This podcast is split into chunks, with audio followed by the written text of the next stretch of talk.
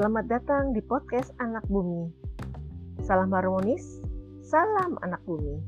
Bersama saya Dwi Kartika. Hari ini kita berkesempatan berbincang-bincang dengan sosok luar biasa yang kerap dijuluki sebagai perempuan penjaga bumi. Siapakah beliau? Beliau adalah Ibu Ivon Setiawati, SIKOM MM. Halo Ibu Ivon, apa kabar? Bahagia banget bisa berkesempatan bincang-bincang dengan Ibu. Halo Bu Dwi, kabar saya di sini baik. Gimana Bu Dwi kabarnya di sana? Mudah-mudahan baik-baik juga nih. Kabar saya baik Ibu, sehat dan bahagia banget bisa ngobrol-ngobrol dengan Ibu Ivon. Ibu Ivon ini memiliki banyak sekali sumbangsi yang berkaitan dengan lingkungan hidup, kelestarian alam. Beliau juga pernah aktif di dunia pendidikan, aktif di pelestarian lingkungan seperti olah sampah, pelestarian bakau, pertanian organik, dan juga pernah berada di dunia pendidikan dari tahun 2002 sampai pernah jadi kepala sekolah. Di tengah kesibukan dan kegiatan ibu, boleh tahu dong bu, akhir-akhir ini kesibukan ibu apa ya?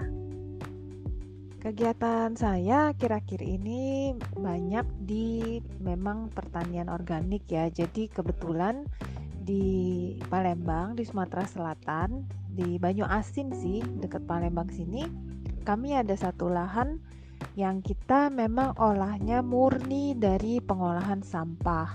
Jadi ya kira-kira ini sibuk untuk fokus pengembangan lahan di sana, lahan pertanian organik. Tapi kita nanamnya dari sampah, dari kotoran hewan. Kita nggak pakai atau kita tidak cari tanah humus, tapi kita menciptakan tanah-tanah humus karena di sana tanahnya keras sekali. Kebetulan hari ini juga kami baru panen rosella ungu organik. Jadi kita baru panen, uh, seneng sih dari di sana kalau dilihat beddingan tanamannya itu masih ada kulit durennya, tapi dari sampah-sampah begitu kita sudah bisa menikmati hasilnya, sudah bisa memetik banyak sekali hari ini bunga-bunga rosella ungu yang tentu saja nanti akan kita uh, jual belikan gitu. Jadi konsepnya ini dari yang orang anggap sampah atau orang anggap tidak berguna, kita olah bahkan bisa menghasilkan dan bisa menunjang ekonomi kita, terutama di saat pandemi seperti ini. Kalau boleh tahu, itu pakai apa sih Bu? Kok bisa sih membuat media tanam dari pengolahan sampah tapi tidak menggunakan tanah ataupun humus? Kita olahnya pakai biowash. Biowash ini kita buat dari starter namanya Promic. Nah, Promicnya ini sendiri pun standar eh, food grade ya, jadi bisa diminum jadi sangat ramah lingkungan. Dan biowashnya kita buat dalam tiga hari untuk fermentasi biowashnya. Dan kita gunakan untuk pengolahan sampah dan juga kotoran hewan sehingga langsung bisa digunakan seketika itu juga. Tanpa menghasilkan gas metana penyumbang gas efek rumah kaca jadi tidak e, menimbulkan panas langsung bisa dipakai sebagai media tanam ataupun pupuk Wah, jadi penasaran. Sebenarnya promik itu apa sih, Bu? Kok begitu hebat, luar biasa, banyak banget manfaatnya. Promik ini adalah minuman fermentasi dari buah. Nah, kebetulan yang sudah ada izin dari BPOM-nya ini adalah uh, untuk fermentasi buah nanas. Nah, sebenarnya Promik ini sebelumnya sudah 20 tahun ada di di dunia ya. Foundernya atau pengembangnya awal juga berasal dari Indonesia. Saya belajar dari beliau. Lalu beliaulah yang memotivasi saya untuk membuatnya menjadi minuman dan juga bisa dijadikan starter.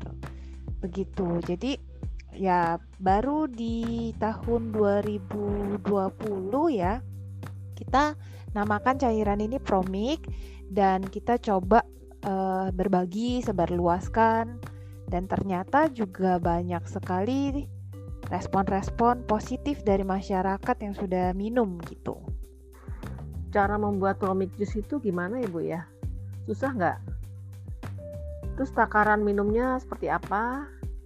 Dan bisa untuk sakit apa aja Bu? Kalau promik awal dikembangkan ini dari foundernya terbuat dari fermentasi umbi-umbian, bunga-bungaan, daun gitu ya.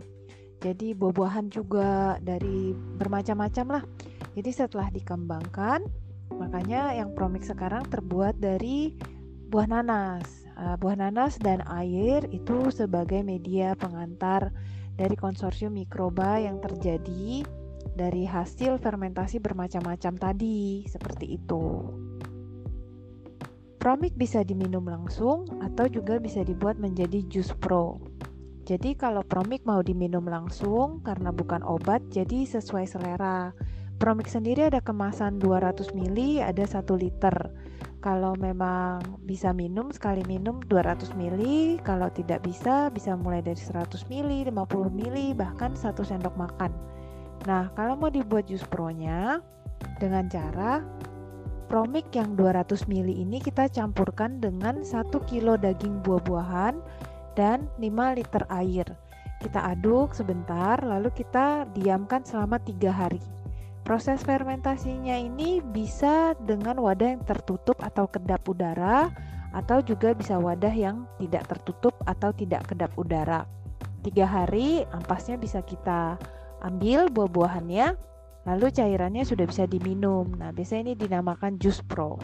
Minumnya bagaimana kalau jus pro-nya ya sehari disarankan sih pagi 200 ml, malam sebelum tidur 200 ml. Kalau misalnya ada keluhan kesehatan seperti darah tinggi, kolesterol, sakit mah, dan sebagainya, maka disarankan total satu hari itu minimal minumnya 1 liter. Boleh diaturlah kapan minumnya, total-total 1 liter. Dan baik jus pro maupun promik ini bukan obat jadi sebenarnya nggak ada overdosis atau underdosis. Saya lebih menyarankan kalau cara minumnya kita tergantung uh, kecerdasan tubuh masing-masing ya. Jadi kalau kita pengen kita minum seperti itu. Kalau uh, pengen minumnya dikit ya minum aja semampunya gitu. Dan kalau rasanya asam bisa diencerkan dengan air atau mau dicampur dengan smoothies, jus buah itu juga bisa, mau campur teh, kopi juga bisa. Jadi fleksibel sih minumnya dan juga kapan diminumnya sebelum atau sesudah makan. Nah, kembali lagi kenyamanan tubuh kita, kesiapan tubuh kita itu kapan, sebelum atau sesudah makan. Jadi lebih fleksibel sih cara minumnya. Ada batasan usia nggak Bu untuk bisa mengkonsumsi promik? Mungkin uh, untuk bayi atau uh, lansia apakah uh, aman? Karena promik terbuat dari bahan-bahan alami, jadi aman dikonsumsi dari berbagai usia. Baik itu dari bayi, ibu hamil, manula yang mungkin usia 80, 90 bisa minum. Promik sendiri sudah kita uji lab kan dari yang usianya tiga hari, dua minggu, tiga tahun. Kandungan alkoholnya itu di bawah 0,05 persen. Sehingga ya bisa dibilang sangat kecil ya kalau di buah yang matang pun kandungan alkohol alaminya juga segitu. Jadi sangat aman dikonsumsi. Dan juga untuk batasan halal masih masuk batasan halal. Seperti itu. Nah, kalau untuk bayi 0 sampai 6 bulan bisa kalau misalnya bayinya demam atau kita ingin uh, imunitas bayi lebih baik gitu ya atau bayinya susah BAB maka bisa diteteskan satu tetes promiknya di bibir bayi. Nah, kalau untuk ibu hamil juga bisa diminum langsung promiknya atau mau dibuat jus pro juga bisa. Nah, kalau ibu hamilnya merasa asam bisa minumnya diencerkan dengan air. Jadi ternyata nggak sulit ya Bu ya membuat minuman fermentasi cukup uh, dengan biang promik 200 ml ditambah 1 kilo buah ditambah 5 liter air. Terus tadi difermentasi hanya tiga hari ya Bu ya? Sudah dapat dikonsumsi. Luar biasa ini minuman ini. Terus tadi Ibu sempat cerita tentang biowash itu apa lagi ya Bu ya? Nah, kalau biowash itu sama seperti jus pro, prosesnya takaran cara buatnya hanya kalau jus pro menggunakan daging buah-buahan, maka biowash ini kita menggunakan kulit dari buah-buahan, terutama kulit buah yang keras atau yang tidak bisa kita makan seperti kulit buah jeruk, nanas, duren bahkan rambutan atau kita makan buah pepaya. Nah, kulit-kulit ini bisa kita gunakan menjadi biowash. Caranya sama, 200 ml promik, 1 kilo kulit buah-buahan, dan 5 liter air. Kita diamkan juga tiga hari. Udah deh jadi biowash dan bisa dipakai untuk pengolahan sampah. Bu, kalau untuk penguraian sampah, cara kerjanya seperti apa ya? Nah, untuk penguraian sampah, biowash 5 liter yang tadi kita buat itu masih bisa kita encerkan sama 200 liter atau 250 liter air. Jadi kita campurin 5 liter biowash yang kita buat sama 200 sampai 200 atau 250 liter air. Lalu air yang air yang sudah kita campur ini kita langsung pakai untuk mengolah sampah-sampah organik kita. Sampah organik apa saja yang bisa kita olah? Kita bisa olah sisa makanan, sisa nasi, sisa gorengan, sup, sisa lauk kemarin, makanan basi, makanan kadar luasa, daun kering, ranting, uh, apa kulit kelapa, mungkin seperti itu ya, kulit jagung dan sebagainya, cangkang telur, jeroan dari daging atau tulang-tulang, ini semua bisa kita olah menggunakan cairan ini biowash yang sudah diencerkan. Caranya disiramkan ya Bu ya atau bagaimana? Ya, caranya kita siramkan cairan biowash ini yang sudah kita encerkan ke sampah-sampah organik kita. Kita semprot-semprot juga boleh, yang penting diaduk dengan rata. Sudah deh, kalau sudah diaduk rata, maka sampah organik kita ini sudah bisa jadi media tanam atau kompos. Semudah itu. Jadi di sini biowas tadi dapat menjadi bahan pengurai sampah ya Bu. Untuk kemudian sampah dapat dipakai langsung menjadi media tanam. Betul nggak ya Bu? Mungkin lebih tepatnya biowas ini sebagai katalisator. Kalau misalnya pengurai, pengurai sampah organiknya lebih tepatnya itu tugasnya cacing, semut, belatung dan kawan-kawan yang biasanya kita juga temui di dalam tanah yang subur. Nah, kalau si biowash ini sendiri tugasnya dia lebih membuat si sampah organik langsung bisa kita pakai satu detik itu juga setelah kita aduk rata merata langsung bisa kita pakai sebagai pupuk dan media tanam. Jadi kalau proses composting biasa memerlukan panas atau mencapai suhu tertentu baru dianggap komposnya itu matang. Kalau di biowash malah mengskip fase tersebut. Jadi sampah tuh langsung bisa kita pakai. Terus apakah memerlukan waktu yang lama, Bu? Seketika itu juga, detik itu juga. Wow, keren banget ya. Berarti ini bisa menjadi solusi sampah di negara kita ya ya minimal di lingkungan terdekat kita ya untuk uh, limbah rumah tangga yang selama ini memenuhi tempat pembuangan akhir yang juga merupakan masalah bukan masalah kecil bagi negara kita ini yang udah penuh sampah. Ya benar karena dari data Bank Dunia ya Data Bank Dunia itu rata-rata manusia di muka bumi ini membuang sampah 0,11 sampai 4, lebih kilogram per hari. Kalau kita nggak cepat-cepat mengolahnya, pasti akan terjadi tumpukan sampah dan tumpukan sampah ini akan memanas dan menghasilkan gas metana atau penyumbang efek rumah kaca atau pemanasan global. Jadi kita harus do something. Bu, saya penasaran nih sebenarnya apa sih inspirasi awal ibu yang mendorong untuk menjadi tergerak dalam pengolahan sampah?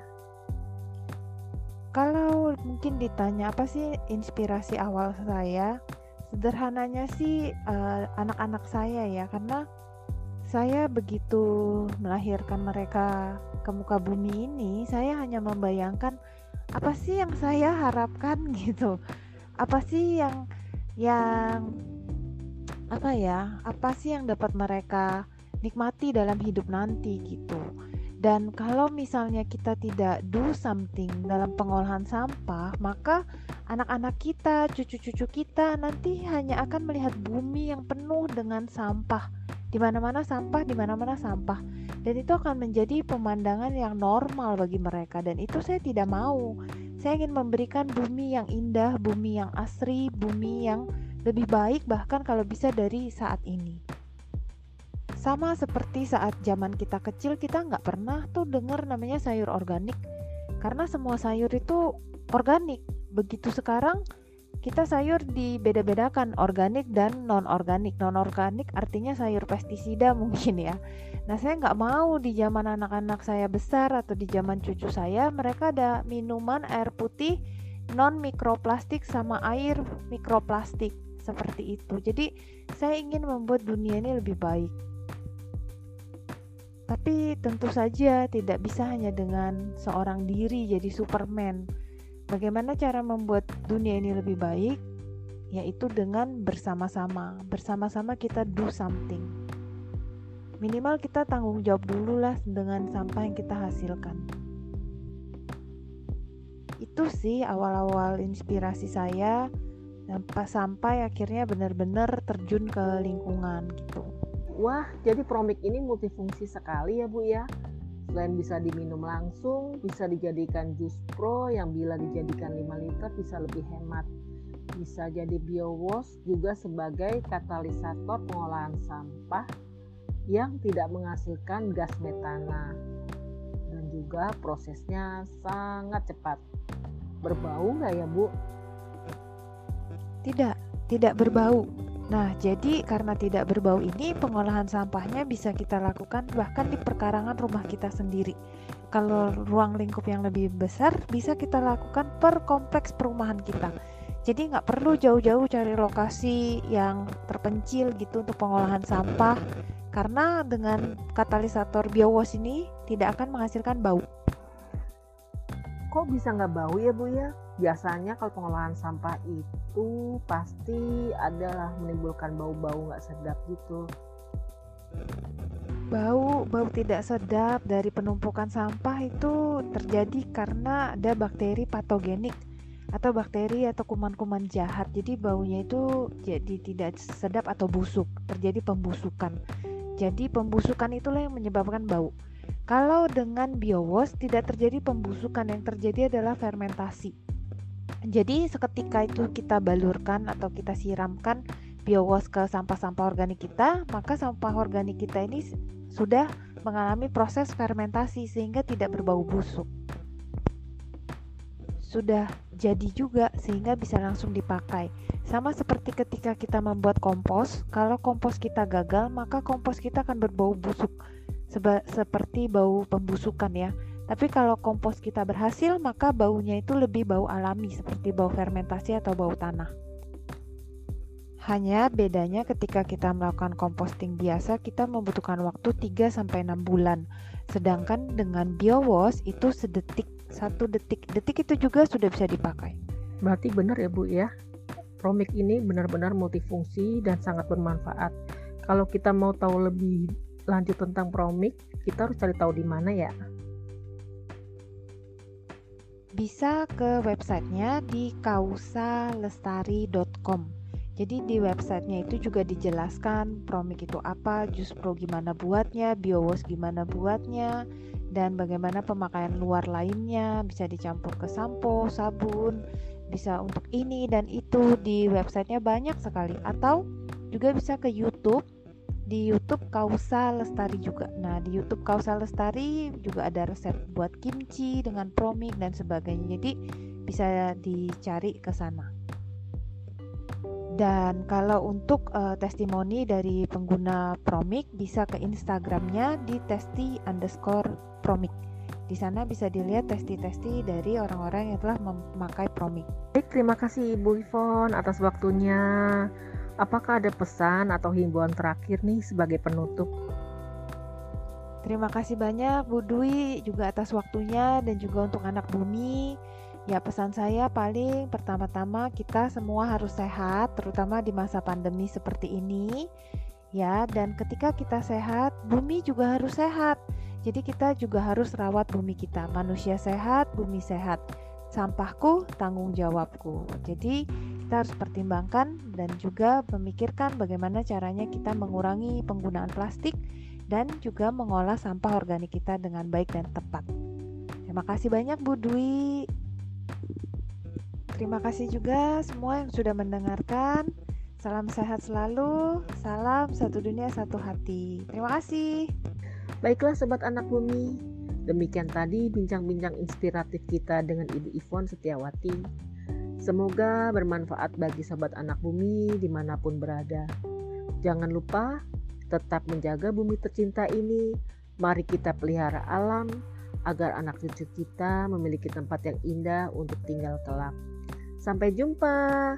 Salam harmonis, salam anak bumi.